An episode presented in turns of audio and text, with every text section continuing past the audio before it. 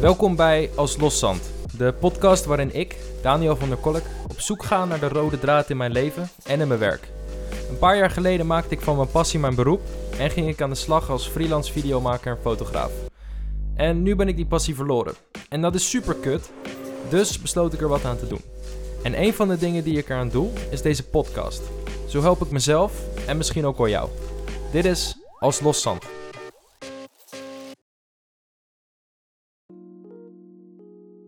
Ik ehm, ben niet per se succesvol. In ieder geval niet zoals je het woord succesvol normaal gebruikt. Ik, eh, ik rijd geen dikke auto. Ik, ik heb geen skyline appartement. En ik ben ook niet de bekendste. Maar toch heb ik de afgelopen paar jaar voor een aantal van de grootste bedrijven van Nederland opdrachten gedaan. En ik denk eigenlijk tot op de dag van vandaag dat ik dit heb kunnen doen door gewoon puur toeval of geluk. Uh, want vaak voelt het alsof ik helemaal geen flauw idee heb wat ik aan het doen ben. Uh, toen ik net begon, wist ik dat ik niet veel wist. En dat was ook eigenlijk een beetje onderdeel van het, van het hele avontuur, zeg maar. Maar des te meer ik leer, des te meer ik weet hoeveel ik niet weet.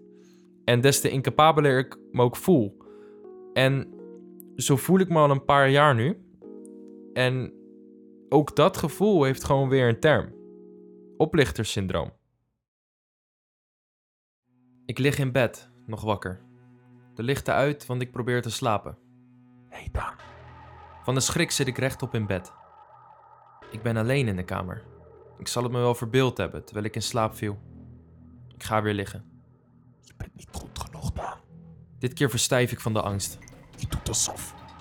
Je bent niet creatief. Je kan niks. Je richt je camera ergens op en drukt een knopje in. Je doet alleen maar na wat je ergens anders gezien hebt. Wacht maar tot ze het door hebben. Wacht maar. Soms voelt het gewoon alsof ik mensen voor de gek hou.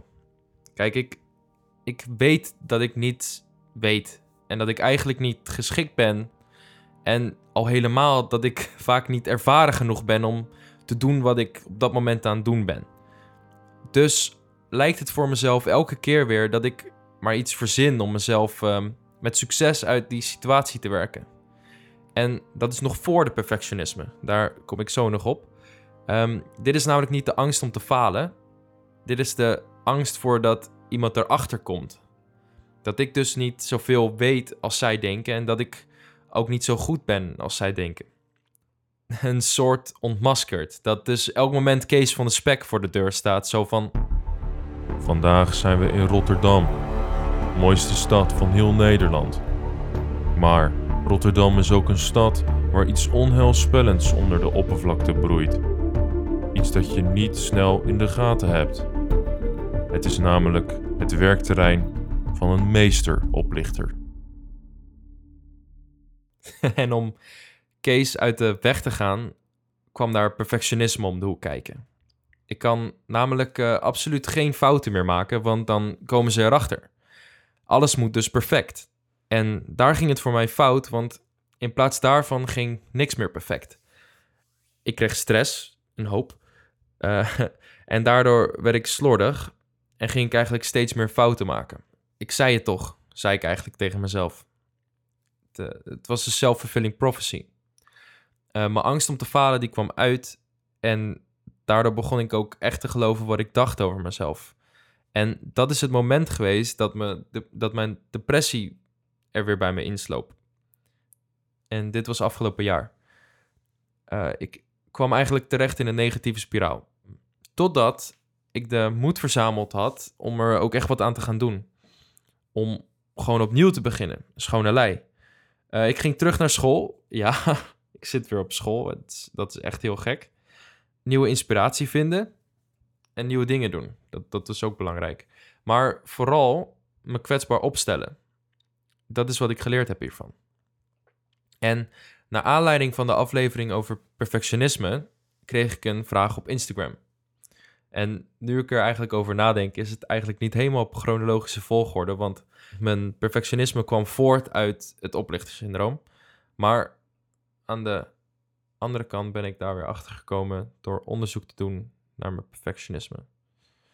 Um, maakt op zich ook niet echt uit. Um, oh ja, ik had een vraag gekregen Waarom heb je moeite om hulp te vragen en heb je schaamte om dit te delen met familie en opdrachtgevers? En ik had geantwoord dat het me niet chill lijkt dat opdrachtgevers weten dat ik eigenlijk niet 100% achter wat ik aan het doen ben sta.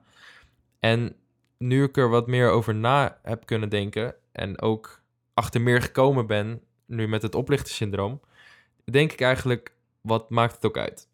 We zijn, we zijn toch allemaal mens, toch? Ehm, we hebben allemaal onze shit. En mijn shit deel ik nu met iedereen. Want dat vind ik belangrijk. Kijk maar naar de TED-talk van Brené Brown eh, over de kracht van kwetsbaarheid. En lees daarna ook haar boek. Die heet ook zo. En daar ga ik het nu niet zo over hebben, want het boek moet ik nog lezen. Maar maakt niet uit. Ehm, ik stel me kwetsbaarder op. En tot nu toe is dat wat helpt. Ik maak graag deze podcast en ben weer steeds creatiever bezig. Ehm, en ik heb steeds meer zin om moeite te stoppen in dingen die voor mij belangrijk zijn. En ik denk dat dat komt doordat ik mezelf meer laat zien en daardoor ook meer het gevoel heb dat ik er mag zijn. Ook omdat ik dat terugkrijg. Dus mijn plan werkt. Dus van het losse zand bouw ik langzaamaan een zandkasteel. Oké, maar je snapt mijn punt. Ik lig in bed, nog wakker. De lichten uit, want ik probeer te slapen. Daan, Ik hou mijn ogen dicht en zucht. Wat nu weer? je bent niet goed genoeg, Daan. Wel? Je Hoe bedoel je wel? Nou, ik ben wel gewoon goed genoeg. Maar ik zeg al die jaren al hoe kut je bent. Mhm. Oh, eh, nou dan. eh, je, je bent niet creatief. Wel, Oh, daar is de deur. oké. Ik las dat het kan helpen om in gesprek te gaan met je stemmetje. En dit is natuurlijk wel heel overdreven, want als ik echt zulke gesprekken had met mezelf, dan zou het niet heel goed gaan, toch? Nee hoor, valt wel mee. Oké, gelukkig, thanks.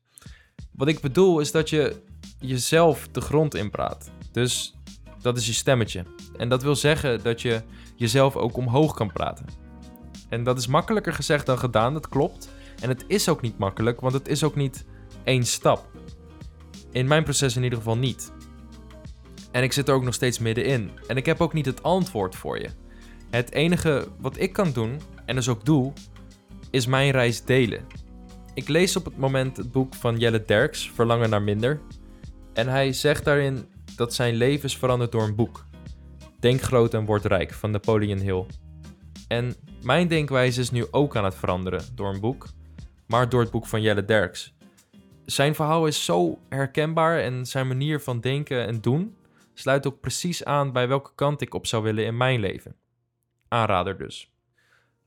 Oké, ik heb net een vraag behandeld die gesteld is via Instagram. En kan jij natuurlijk ook stellen. Mag ook. Je kan me DM'en via @daanoudheer. Vind ik leuk. En ik wil iedereen ook weer bedanken voor alle ongoing support. Eh, de support, de persoonlijke verhalen die gedeeld worden en alle bedankjes naar mij toe voor de inspiratie.